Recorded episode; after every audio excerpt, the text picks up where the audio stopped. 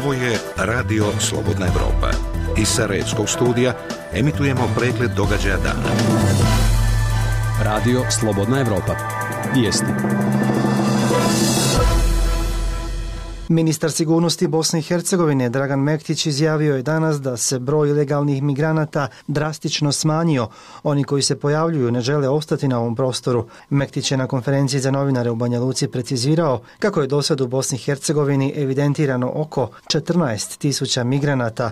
Zahtjev za azil podnijelo je svega njih 399. U Srebrenici je jutro izbio požar na objektu firme Almaras. Pretpostavlja se da je uzrok požara kvar na električnim instalacijama. Osim materijalne štete, nije bilo povrijeđenih. Njegovo preosvešenstvo, novoizabrani episkop Zahumsko-Hercegovački i Primorski Dimitrije, ustoličen je danas u sabornom hramu Svetog preobraženja gospodnjeg u Trebinju. U čin episkopa uveo ga je njegova svetost Patrijah Srpski Irinej. Predsjednik Islamske republike Iran Hasan Rohani optužio je, ne imenujući ih, arapske separatiste da stoje iza napada koji je stajao života najmanje 29 osoba u Ahvazu na jugozapadu Irana. Ne sumnjamo u identitet onih koji su ovo počinili, istakao je Rohani. Popularnost francuskog predsjednika Emanuela Macrona u rujnu je ponovno u padu. Rezultati su najnovijih anketa. Prema rezultatima ankete agencije IFOP, samo 29% ispitanih izrazilo je zadovoljstvo radom predsjednika Macrona, što je pad u odnosu na 39% od prije dva mjeseca. Poglavar katoličke crkve Franjo upozorio je danas na misiji u Vilniusu u Litvaniji na obnovu antisematskih pogubnih osjećaja koji su doveli do holokausta. Papa je služio misu povodom 75 godina uništenja geta u Vilniusu. Sveti otac koji se nalazi na turneji po baltičkim zemljama upozorio je i na iskušenje od dominacije nad drugima. Gradonačelnik Kopenhagena Frank Jensen pozvao je ministra pravde Sorena Poulsena, nadležnog za policiju, da uporabi sve raspoložive resurse kako bi se zaustavili oružani obračuni članova kriminalnih bandi koji su buknili u prestonici te skandinavske zemlje. Prestižna književna nagrada Meša Selimović za najbolji roman objavljen prošle godine na govornom prostoru Bosne i Hercegovine, Hrvatske, Srbije i Crne Gore dodjeljena je književniku Semezdinu Mehmedoviću za roman Memed, Crvena bandana i Pahuljica. Tako je odlučio žiri 18. međunarodnih književnih susreta Kungrano Salis koji su sinoć završeni u Tuzli. Sport na svjetskom prvenstvu u judo koji završava u Baku Danas će nastupiti preostalo dvoje bosansko-hercegovačkih predstavnika Larisa Cerić i Harun Sadiković. Na sjevernoj zemljenoj polulopti počela je jesen, dok je istodobno za stanovnike južne polulopte počelo proljeće. Na kraju vremenu sutra se u Bosni i Hercegovini očekuje pretežno oblačno vrijeme sa kišom, lokalnim pljuskovima, ponegdje praćenih grmljavinom. U Hercegovini sunčano uz postepeno na oblačenje. Jutarnje temperature zraka kreteće se od 12 do 18, na jugu od 17 do 22, a dnevne od 14 do 20, na jugu od 24 do 28 stupnjeva Celzijusa. Vijesti čitao i pripremio Ivan Katavić. Radio Slobodna Evropa, program za Bosnu i Hercegovinu. Na vratima Evrope. Emisija o evropskim integracijama. Srdečan pozdrav poštovani slušalci u emisiji koja je pred nama između ostalog možete čuti kakva su iskustva stranih investitora u Bosni i Hercegovini. Kod dobijanja dozvola nismo imali a, nikakve značajnije probleme. Ono gdje smo se susreli sa problemima jeste da u ovom području nije postojala odgovarajuća infrastruktura gdje smo mi onda morali malo više uložiti da bismo dobili infrastrukturu koja zadovoljava industrijske standarde. Dok čeka na vratima Evrope, Bosna i Hercegovina sve sporije i nezainteresovanije ispunjava jednu od najvažnijih obaveza, ne pronalazi žrtve iz protekog rata. Borba za istinu traje 20 i koliko već godina, 26 godina. Traje toliko dugo da ne mogu više ne da brojim, a gdje stoji ne stoji nigdje. Stoji zabačana, kao da ti ljudi nikad nisu postojali i kao da više nikoga nije briga za njih. Ne samo moj otac, nego sav narod, sva ta djeca, U Brčkom otvoren savremeni edukativni sabirni centar sa laboratorijom za ispitivanje kvaliteta mlijeka. Svako novo radno mjesto u Brčko distrikt znači bolji standard, bolji život, bolji opstanak građana na ovim prostorima. Reforme za Evropu.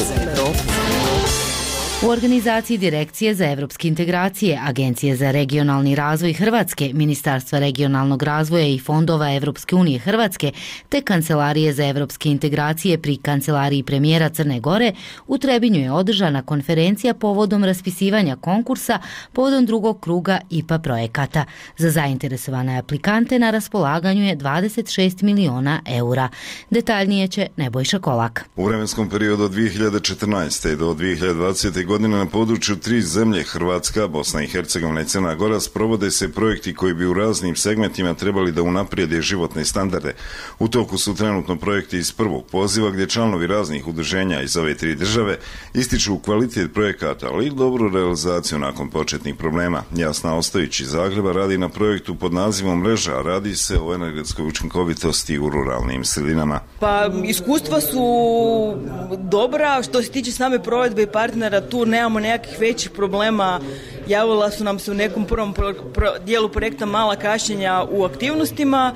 A, ono što zapravo nam je najveći problem, dosta kompleksna obrada podataka, priprema za samo izvještavanje prema našim koordinatorima i zapravo dosta dugo se čeka na povrat sredstava. Aleksandar Janičić Nikšić kaže da samo ljudi koji su prošli kroz taj proces i koji su od samog starta uključeni znaju koliko je zahtjevno i znaju koliko rada i truda stoji iza završenog, kvalitetno završenog projektnog predloga koji u krajnjem donatori ocjene kao relevantan i za koji dobijemo finansiranje. U prvom projektnom pozivu plasirano je 24 miliona evra kroz razne projekte u tri države. Stella Arneri, član upravljačkog tijela programa Interrega IPA. E, u provedbi je sada 24 projekta odabranih na prvom pozivu za koje je bilo alocirano 24 miliona eura. Pro, e, projekti su u tijeku, provedba je u tijeku i ona se zapravo zapravo odvija poprilično uspješno. U drugom projektnom pozivu sredstva su nešto povećana, kaže Marina Kavaz Sirčić, port parol direkcije za evropske integracije Bosne i Hercegovine. Poziv je vrijedan 25,9 miliona eura i otvoren je do 20.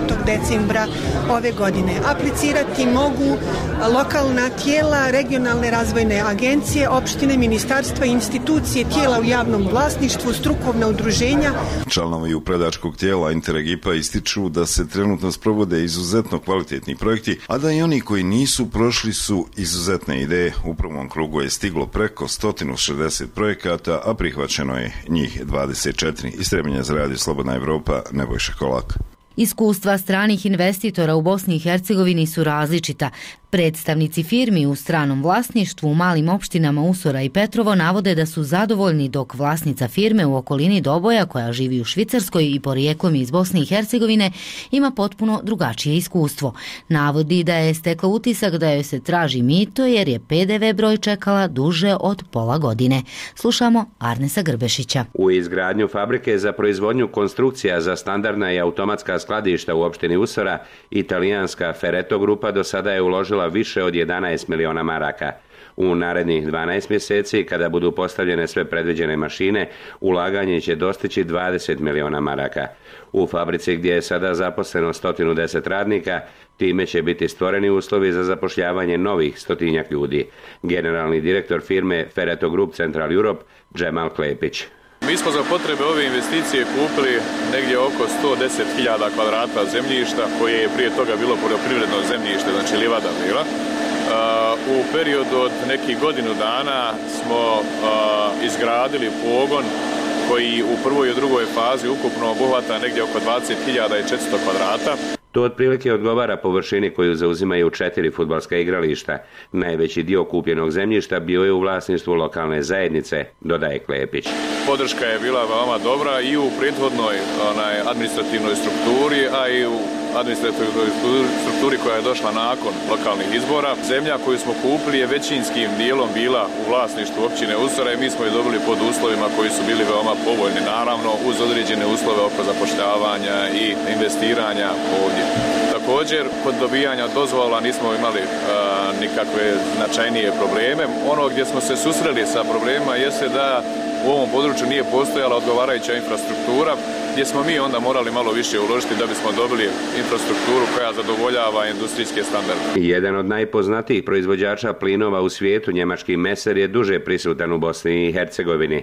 Nedavno je otvoreno i drugo postrojenje u Petrovu, opštini koja se nalazi između Doboja i Gračanice. Ovdje se nalazi i sjedište firme Meser BH Gas, koje također ima postrojenja i predstavništvo na području Sarajeva, Banja Luke, Zenice i drugih bosansko-hercegovačkih gradova. Meser je do sada u Bosni i Hercegovinu investirao više od stotinu miliona eura. Prvo postrojenje CO2 u Sočkovcu je otvoreno prije šest godina, kaže generalni direktor Meser BH Gasa Valentin Ilijevski. Ono je kompletno rasprodano i onda smo mi bili u priliku da nadimo drugo postrojenje. Dobili smo vrlo brzo građevinske dozvole i sad i to postrojenje što je ovdje biće u budućnost rasprodano. Ova investicija kod priliko 5 miliona maraka u postrojenje i milion maraka u bušetinu. Ovo je bilo livada kukuruza i sad ovdje radi više od 10 zaposlenih. I to je strategički proizvod što treba svugdje. Znači ako vi pijete Coca-Cola ili Fanta ili za a, tretiranje otpadne vode, uvijek vam treba ugljen dioksid ili CO2. I taj ugljen dioksid smo skrbili celo tržište i sad možemo eksportirati u budućnost. Mi proizvodimo sad dve tone na sad dodatno, ali prije smo jedna tona, znači puta 200%. U ovoj firmi od njenog osnivanja radi Milorad Đurković. To je danas vrlo modernije nego što je bilo 2011. godine i ajde da kažemo to je fabrika 21. vijeka. Za Fereto grupu koja se također gradi prema savremenim standardima u Bosni i Hercegovini nema odgovarajućeg repromaterijala, kaže Džemal Klepić. Kao globalni igrač moramo voditi računa o svim aspektima poslovanja, da ne bismo ugrozili imidž firme, moramo dobro, dobro planirati transfer tehnologije. Nažalost, ovakav tip repromaterijala nije dostupan na tržištu Bosne i Hercegovine.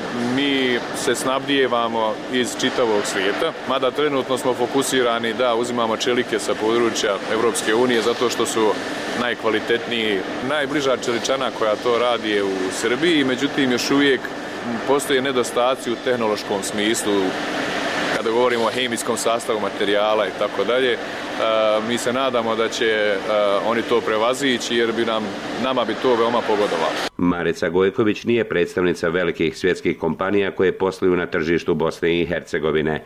Ona živi u Švicarskoj i u Bušletiću kod oboja otvorila je malu porodičnu firmu za proizvodnju namještaja.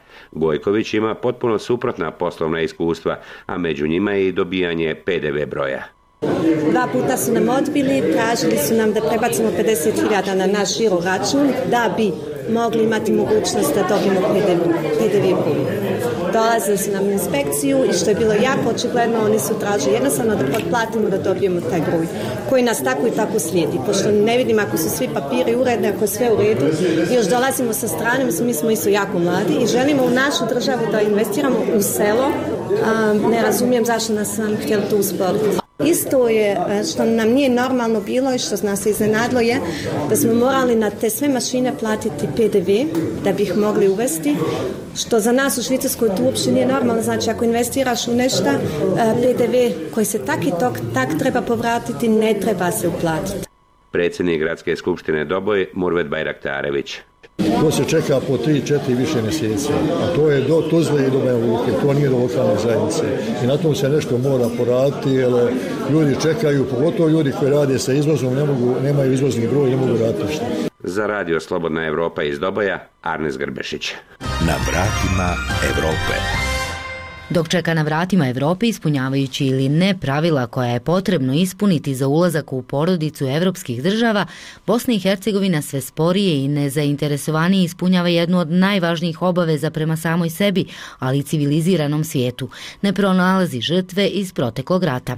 Goraždanka Ines Ribić 26 godina čeka da joj institucije ove zemlje kažu gdje su posmrtni ostaci njenog oca Ibrahima i ko je ispred kućnih vrata ubio njenu majku Slavicu.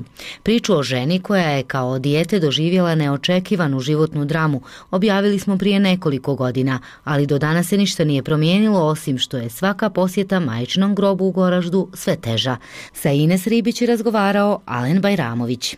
Prvi dan rata u Goraždu, 4. maj 92. godine, Ines i njen otac Ibrahim, majka Slavica, sestre Anesa i Emina, te deda i baba Ilija i Esma Hrenek, dočekali su u porodičnoj kući. Nakon što je na kuću pucano, pobjegli su u naselje Mahala. Na insistiranje dede Ilije, koji je ostao među srpskim vojnicima, nakon desetak dana odlučili su se vratiti kući. Njenom ocu, poznatom taksisti iz Goražda, odmah su oduzeli automobil, a porodica je smještena u kućni pritvor. Tatu kad su odveli, on je imao snage da se okrene. Kad je se lazio on je za stepenice, Ja sam ga videla malo sa strane. On je već plakao. Mislim da je znao da nas neće više... Da nas neće više vidjeti. Mi smo cijelo vrijeme bili tu. I kad su tatu odveli. I kad su mamu ubili. Ona je izašla u dvorište ispred kuće. I tu su je ubili odmah ispred vrata. Pucali su i snajpera. Isti taj koji je pucao i došao je da vidi. Je li baš pogodio i htjeli su da je ukopaju neko srpsko groblje gore oko površnice jabuke, međutim Srbi nisu dali. Rekli ona je muslimanka, udata za muslimana, nisu dali. I onda su je vratili dole ispred kuće ukopana. Posmrtni ostaci majke Slavice eksumirani su kasnije i sahranjeni na groblju Kolijevke u Goraždu. Ines danas živi u Sjedinjenim američkim državama, ali često posjeti njen grob kako bi položila cvijeće. U izbjeglištvo iz dijela Goražda koje je početkom rata bilo u rukama srpskih snaga, Ines i njene sestre su krenule pod drugim imenima. Bio je to jedini način da dobiju propusnicu srpskih vlasti. Mi smo promijenili imena i rekli da smo prihvatili srpsku vjeru. I oni su nas kao srpsku djecu pustili da izađemo u njihovom konvoju. Ja sam ostala Ines, srednja sestra Anesa je bila Ana i najmlađa sestra Emina je bila Mira. I to su nam bila imena možda nekih 20 dana. O sudbini oca Ibrahima raspitivala se sama i od preživjelih svjedoka i drugih zarobljenika saznala da je najprije bio zatočen u školi u Podranjenu gdje je pretučen, a potom je odvezen prema Sokocu gdje je posljednji put viđen. Dok čuva njegovu posljednju poruku napisanu u logoru nekoliko kilometara od kuće, Ines nastavlja borbu za pravdu koja je teška i predugo traje. Borba za istinu traje 20 i koliko već godina, 26 godina. Traje toliko dugo da ne mogu više ne da brojim. A gdje stoji, ne stoji nigdje. Stoji zabačana. Kao da ti ljudi nikad nisu postojali.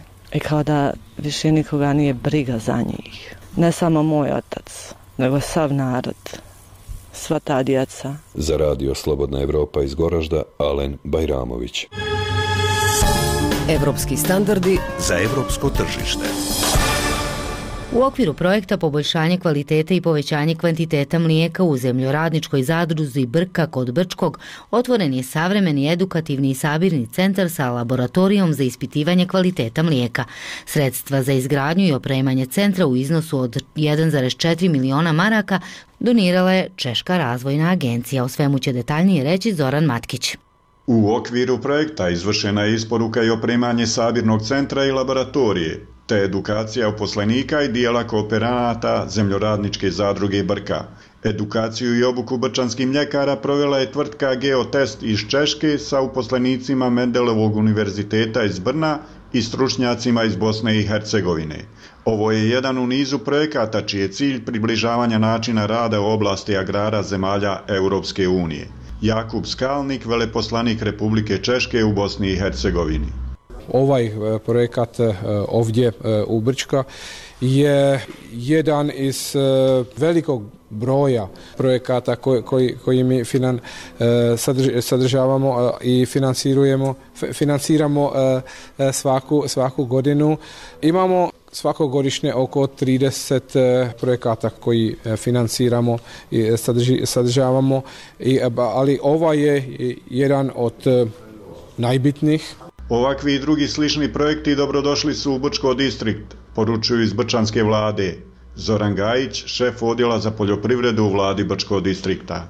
Svako novo radno mjesto e, Brčko distrikt znači bolji standard, bolji život, e, bolji opstanak građana na ovim prostorima i e, mi smo predjeljeni znači da podržimo gdje god se otvaraju nova radna mjesta koja imaju znači za cilj da stanovnici distrikta ostanu na svome imanju i posjedu i da proizvode, a ne da odlaze u druge krajeve i da traže drugi posao. Kada mi ovdje sa ovakvim kapacitetima možemo otvoriti novo radno mjesto i proizvođači svi koji su do sada radili imaju podršku u pogledu toga i vlada u tom dijelu i će i nastaviti. Donirana oprema od strane Razvojne agencije Republike Češke, koja je dio ovoga projekta, u mnogome će olakšati rad i podići kvalitet mlijeka, kaže Adis Rahman, projekt menadžer zemljoradničke zadruge Brka. Mi smo od Češke Republike kroz ovaj projekat dobili cisternu za transport mlijeka koja je jedna od najsavremenijih trenutno koja se vozi na području Bosne i Hercegovine.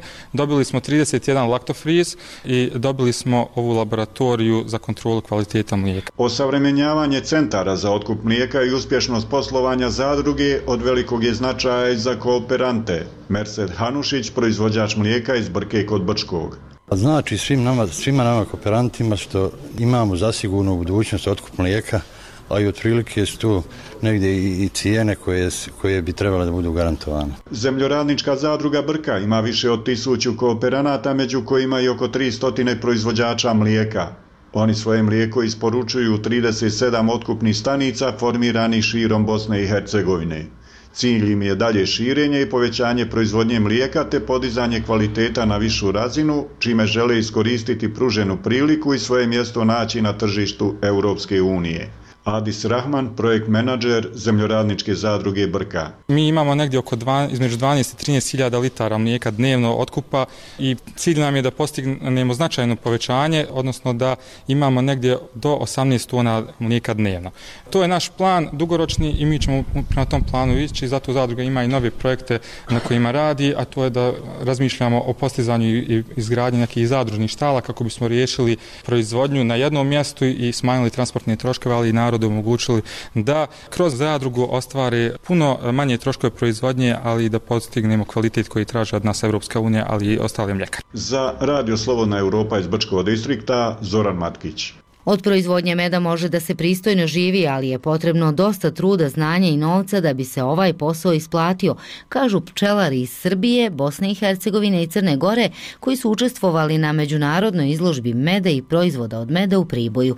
U Srbiji se godišnje proizvede od 6 do 12 hiljada tona meda, dok pčelarstvo u Bosni i Hercegovini predstavlja do 1,9% od ukupne poljoprivredne proizvodnje, bilježi Danica Gudurić. Pčelari koji su učestvovali na međunarodnoj izložbi meda i proizvoda od meda u Priboju kažu da med prodaju od 8 do 10 evra po kilogramu i da se od proizvodnje meda može pristojno živjeti, ali je potrebno dosta truda, znanja i novca da bi se ovaj posao isplatio. Budimir Bude Tešević iz Prijepolja, iz pčelarske organizacije koja spada u red najvećih organizacija pčelara prema broju stanovnika u Srbiji. Imamo negde oko 200 članova i ove godine smo ubrali negde oko 50 tona raznovrsno pčelarskog medara. Za razliku od prethodne dve godine koje su bile jako loše za pčelarstvo, ova godina je nešto bolja, povoljnija, ali će ostati kao jedan kuriozitet u pčelarstvu, jer je medilo samo na nadmorskoj visini od 600 do 900 metara. Velika količina veštačkog meda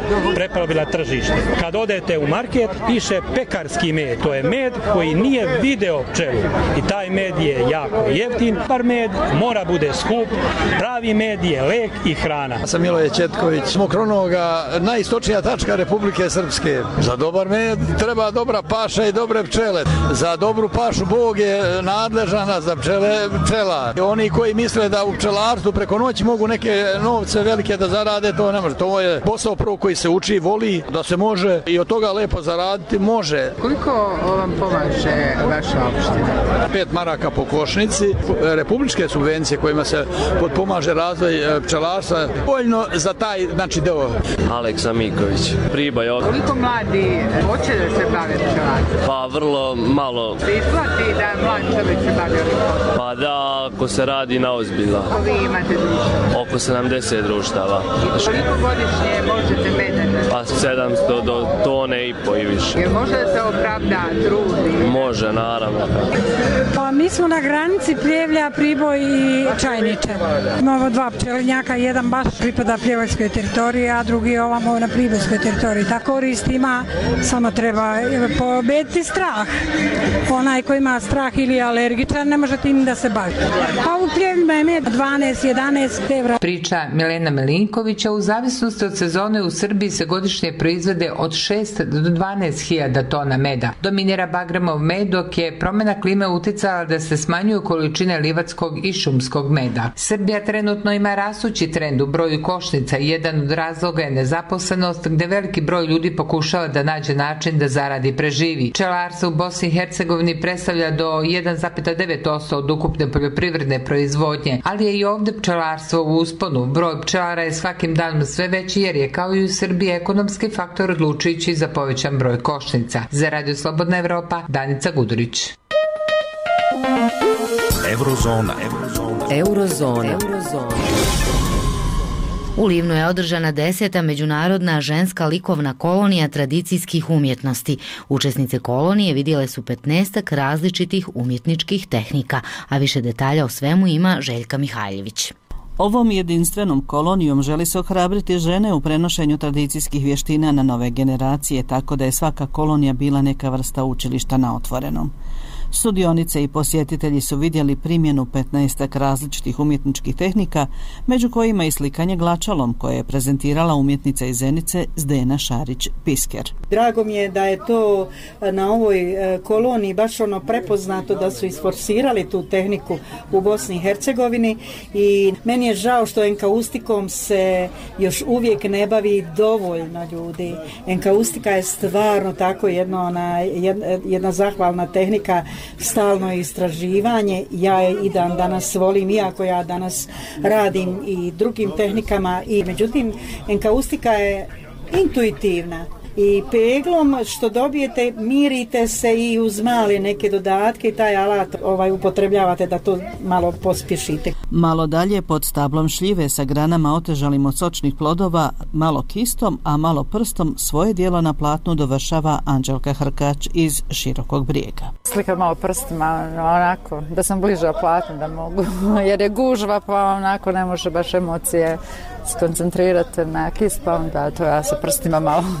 Najviše dolazim zbog e, slikara, da se družimo, da provedem jedan lijep, ugodan dan, vidim šta ko radi, jer ovdje rade razne tehnike, svi različito nešto radimo i to mi je zanimljivo, nešto naučim, nešto vidim. poznamo se, kasnije ostanemo prijatelji preko Facebooka, se čujemo i tako. Iz Kostrene kod rijeke stigle su četiri umjetnice. Erika Medanić u Livnu je već treći put. Ja sam bila na otvorenju na prvoj i na trećoj i sad sam na desetoj ponovno. Ovaj kraj je čaroban. Bila je, svi ljudi su u njemu tako veseli, tako dragi. E, ovdje se osjeća umjetnost, rad, e, baš je lijepo. Njena sugrađanka Teja Paškov prvi put je na koloniji u Biloj. Čula sam tako lijepih riječi i evo, iskreno sam poželjela da se sa ostalim umjetnicima iskušam u ovom prekrasnom zelenilu i da radim u ovakvoj atmosferi. Inače, predajem u talijanskoj zajednici uh, u likovnoj grupi, znači odraslima i radim kao profesorica u osnovnoj školi predajem likovni. Tako da jednostavno moj život je likovnost, okružena sam sa djecom, sa odraslima i ja sama volim raditi, tako da nije bilo govora, htjela sam i učestovati i biti prisutna u svojoj toj ljepoti. A od domaćina Branka Ivankovića Mite moglo bi se naučiti i kako se hrabro nositi sa životom. Premda mu je od prethodne kolonije bolest uzela i drugu nogu, on je uspješno organizirao i ovu jubilarnu desetu. Pala je i pokoja suza. Šest mjeseci nepokretan i na kraju ovakvu jednu lijepu koloniju organizirati tradicijske umjetnosti e, međunarodnu, to je suza radosnica, to nije plač, to nije, nego to je jedna divota ovoga što sam ja doživio u svojoj Biloj, u svom Linu i u svojoj Bosni i Hercegovini. Čovjek izgubi od bolesti noge, ali imaju rezervne proteze. Znači, e, jedna volja za životom, jedna pozitivna energija koju mi je Bog dao i od malena i borba je život. Nema onoga ko nema problema u životu, a najgori su problemi zdravstveni. Mitina galerija Art Mit ove godine postala je bogatija za dijela 25 umjetnica iz Bosne i Hercegovine i Hrvatske. Pridružila su se radovima sa svih dosadašnjih kolonija. Nakon Livna ta dijela bit će prezentirana na izložbama u drugim bosansko-hercegovačkim gradovima, a potom i u inozemstvu. Iz Livna za Radio Slobodna Evropa, Željka Mihaljević. Bilo je to sve u ovom izdanju emisije Na vratima Evrope i studija u Sarajevu. Pozdravljaju vas Zoran Mijatović i Marija Arnautović.